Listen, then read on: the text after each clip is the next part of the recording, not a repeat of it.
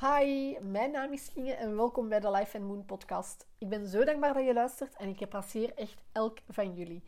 Um, ik wil met deze podcast graag helpen om authentieker en intuïtiever te laten leven. Door tips en tricks te delen, mijn eigen verhalen en de verhalen van anderen.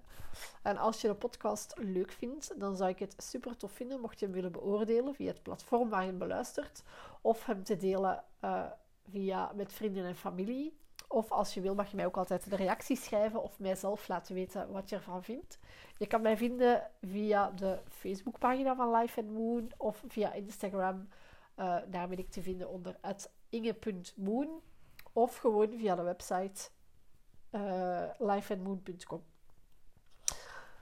Vandaag wil ik um, het verhaal vertellen van mijn grootvader in de vorige afleveringen, uh, in een van de vorige afleveringen heb ik verteld over de periode waarin mijn grootmoeder gestorven is.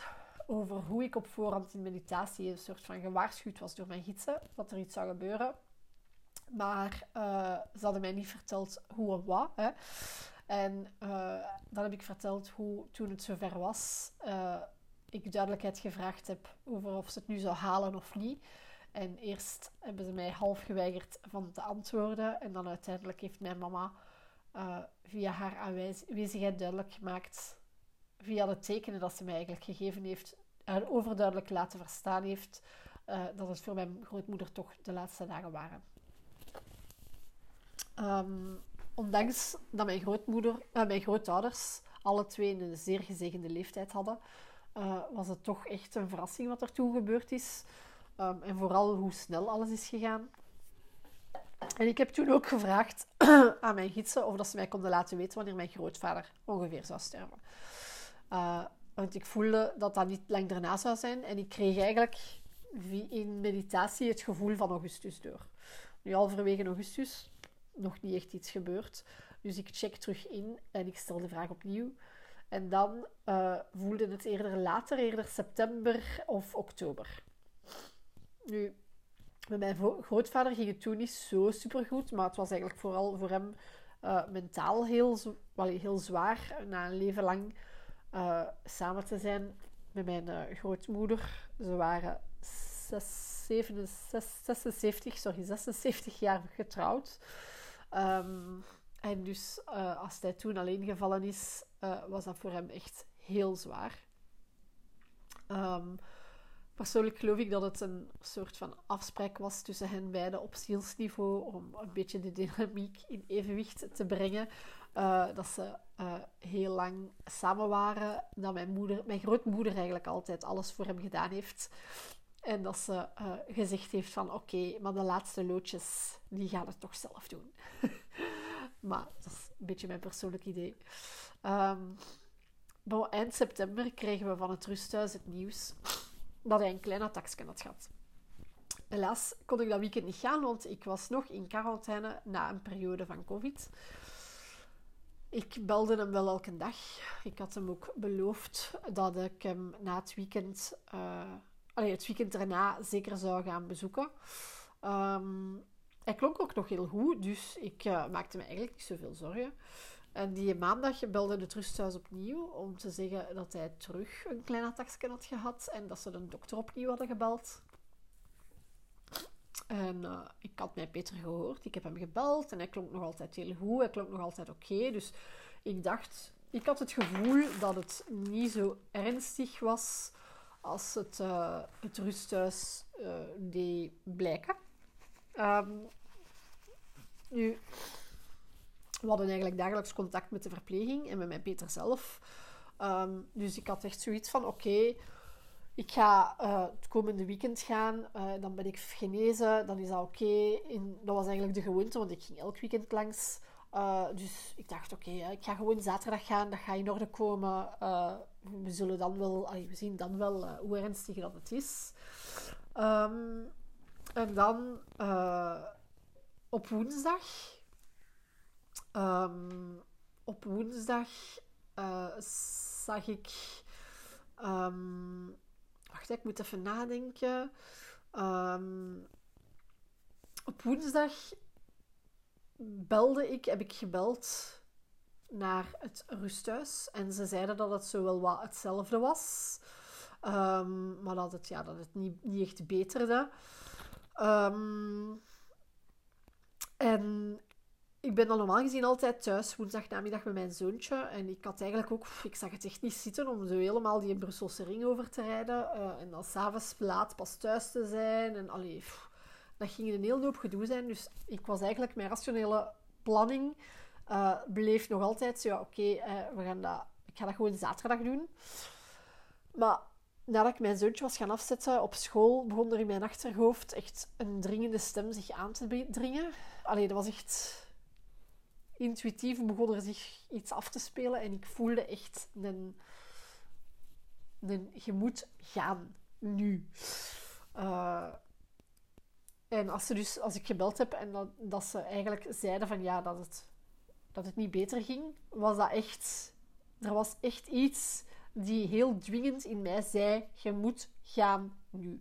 Terwijl ik eigenlijk ah, een heel operationele redenen had om het niet te doen, heb ik toch tegen, uh, tegen mijn partner gezegd: Kijk, ik ga een halve dag verlof nemen. Ik heb het gevoel dat ik moet gaan. Um, hij heeft iets, allee, hij heeft dan uh, mijn ons zoontje opgehaald op school. Allee, hij ging, we hebben afgesproken dat hij ging uh, ons zoontje ophalen op school. en ik ben s vertrokken naar Bertem, waar het, het rusthuis was. Eigenlijk in de volledige overtuiging van oké, ik ga ik ga mijn grootvader daar moeten zien. En ik zal wel zien dat hij waarschijnlijk niet zo goed is. Um, maar ik, allee, ik was totaal niet voorbereid op wat, dat er, op wat dat er ging komen. Grappig? Um, ik, ik kom binnen in, de, in het woonzorgcentrum en ik voel echt een koude tocht. En ik weet nog dat ik dacht, er is iemand aan het sterven. En ik, ik heb ondertussen al een paar gelijkaardige ervaringen gehad. En ik weet, ik, weet ongeveer wanneer dat ik dat moet... Allee, ik, ik heb geleerd om, om dat te herkennen wanneer dat gebeurt. En ik weet nog dat ik dat dacht. En ik kom mijn grootvader zijn kamer binnen.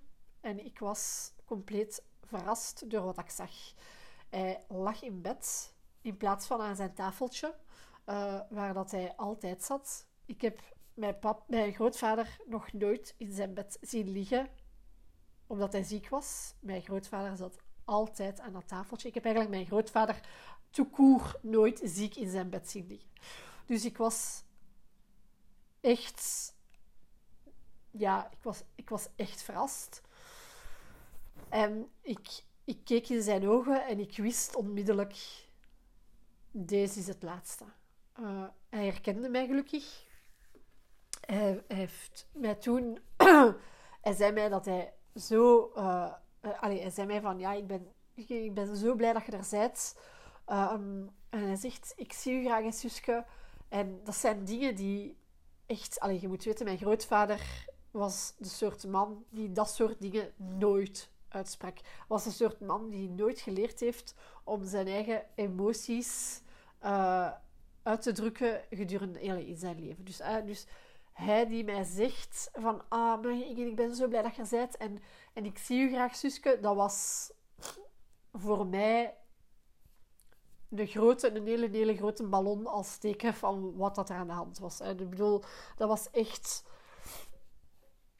Dat was echt een hele grote hint om te zeggen, deze is echt wel heel serieus. En ik wist, ik wist, het moment dat ik hem zag, het moment dat hij dat zei, wist ik, oké, hij gaat sterven. Dat, dat is eigenlijk iets wat ik onmiddellijk dan begrepen had. Wat ik eigenlijk niet helemaal... Ja, want ik had wel begrepen dat, het, dat hij wel ziek was, dat hij aan dat taxje had gehad, maar ik had echt niet verwacht dat, dat ik daar ging binnenkomen en direct bij zijn laatste uren ging zijn. Dus...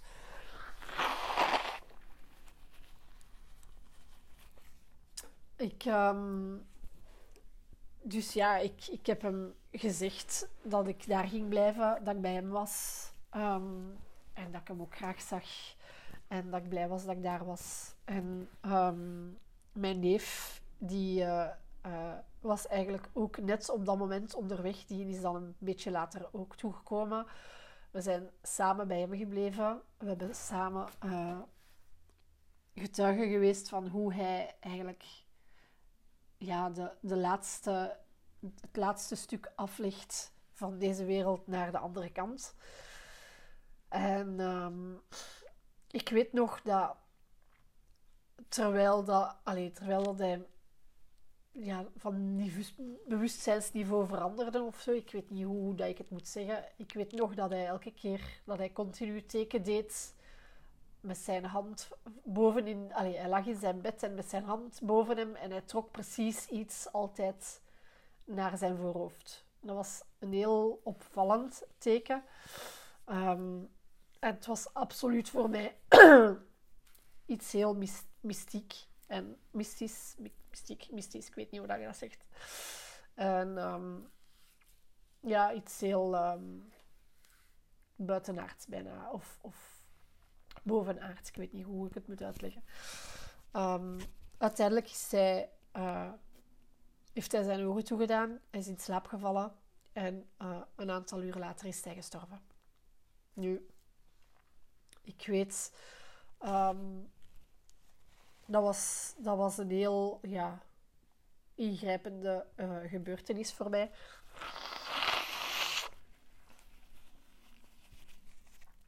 Het was niet zo.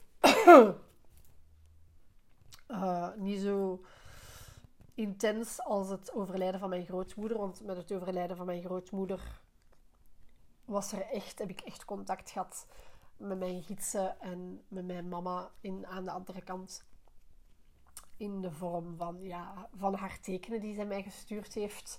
En dat was voor mij veel intenser. Dus ik wist dat dit er ging aankomen. Maar de manier waarop was wel heel bijzonder voor mij. Uh, ik ben ook dankbaar dat ik, uh, dat ik naar die intuïtie geluisterd heb.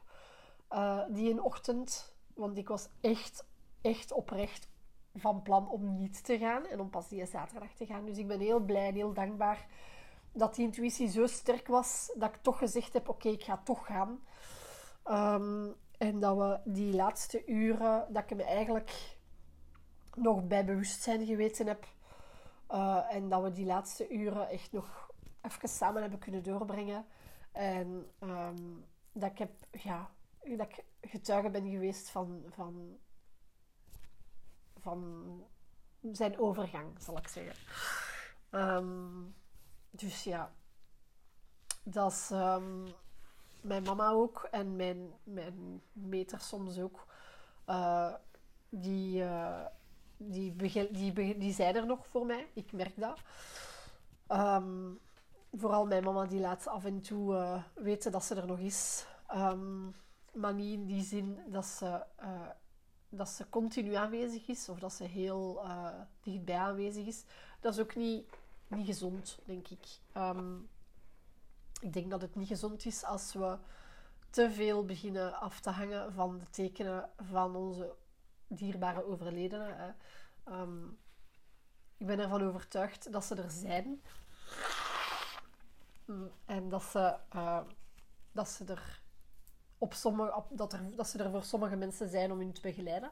Want het gebeurt dat soms uh, dierbare uh, overgaan naar spirit form, naar, naar een, een hoger bewustzijn en een, energetische vorm. En dat ze dan eigenlijk een rol van um, gids opnemen. Maar dat is zeker niet zo voor iedereen.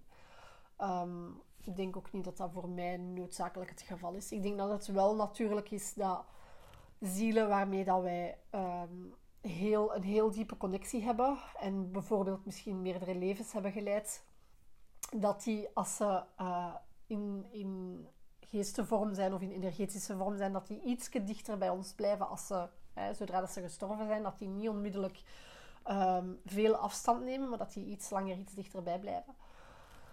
Um, maar het is, het is ook, allez, en ik moet zeggen, um, ik heb ooit het, uh, de vergelijking gehoord um, waarbij dat ze zeggen dat als iemand sterft en iemand gaat over naar de andere kant, dat dat een beetje is zoals de ouders aan de klas van hun klein kleutertje of peutertje staan te kijken.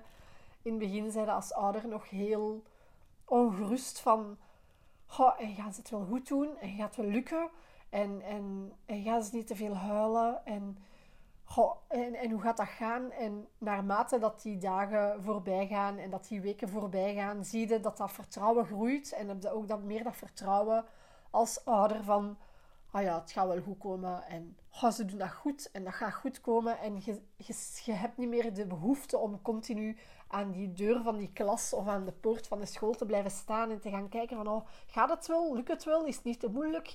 Lukt het wel?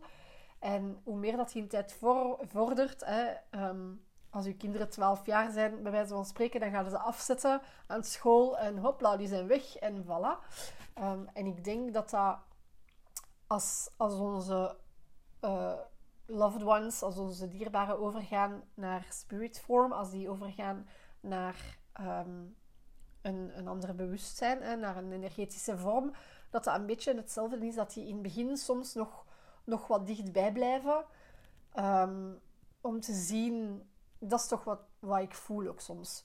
Om te zien, um, en, en niet alleen bij mijn eigen familie, om te zien of dat, dat wel, of dat we het als achterblijvers tussen haakjes wel oké doen. Hè, of, dat, of dat dat wel lukt. En uiteindelijk, uiteindelijk nemen die ook iets meer afstand. Uh, en, en ze blijven wel altijd beschikbaar. Um, maar het is niet meer zo gelijk een ouder die aan, aan de deur van, zijn van dat klasje blijft staan. Um, er was nog één ding wat ik wou zeggen. Ik ben het even kwijt. Um, weet het niet meer. Klasje. Ik weet het niet meer. Um.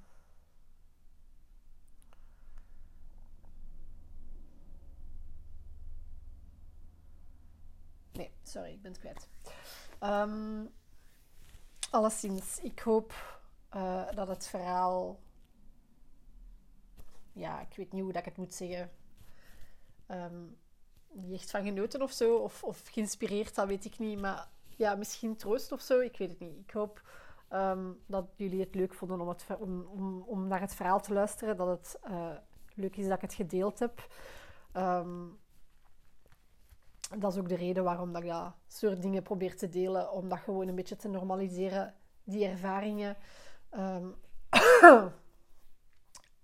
en, en duidelijk te maken dat er wel degelijk nog iets is na deze uh, fysieke menselijke vorm. We zijn, er zijn echt wel nog, uh, als, als we sterven, dan is er echt wel nog een energetische vorm die overblijft en die verder gaat. Um, dat wil, ja, ik weet weer wat ik wil zeggen. Het is ook zo dat als we, uh, als we overgaan aan de andere kant, zijn er soms uh, geesten, zal ik maar zeggen. Ik vind dat een heel ambetant woord, maar bon. Uh, zijn er soms geesten die, uh, die even wat rust nodig hebben. die een heel heftig leven hebben gehad. En dan kan het ook soms zijn dat het niet onmiddellijk mogelijk is om daar contact mee te maken. Um, of dat, ja, dat die soms uh, in een soort rustfase zitten. En um, daarna gaan die dan ja, ofwel uh, verder evolueren uh, whatever, wherever. Of die gaan een andere rol opnemen. Of ja, soort. Die zijn iets beschikbaarder dan misschien. Maar als mensen echt een heftig leven hebben gehad en ze sterven, dan kan het zijn dat ze als geesten uh, echt wel even een rustperiode nodig hebben. En die periode, dat is um, heel moeilijk uit te drukken in tijd. Want um, aan de andere kant is het, ja, tijd bestaat niet. Tijd is een illusie. Dus um, het is niet dat wij kunnen zeggen van ah ja, dat is drie jaar of vier jaar of vijf jaar. Dat kan honderd jaar zijn en dat kan één jaar zijn. Dat is compleet afhankelijk van, uh, van spirit en van de ziel zelf. Um, en dat is, uh, ja, dat is completely up to them. En uh, ik kan dat niet, we kunnen dat niet, dat soort dingen echt niet meten in menselijke termen. Dus voilà, dat is eigenlijk wat ik wil delen vandaag. Um, dus voilà, ik hoop dat jullie er iets aan hadden. En uh, tot snel, tot hoors, tot de volgende. Doei, nog een fijne rest van je dag.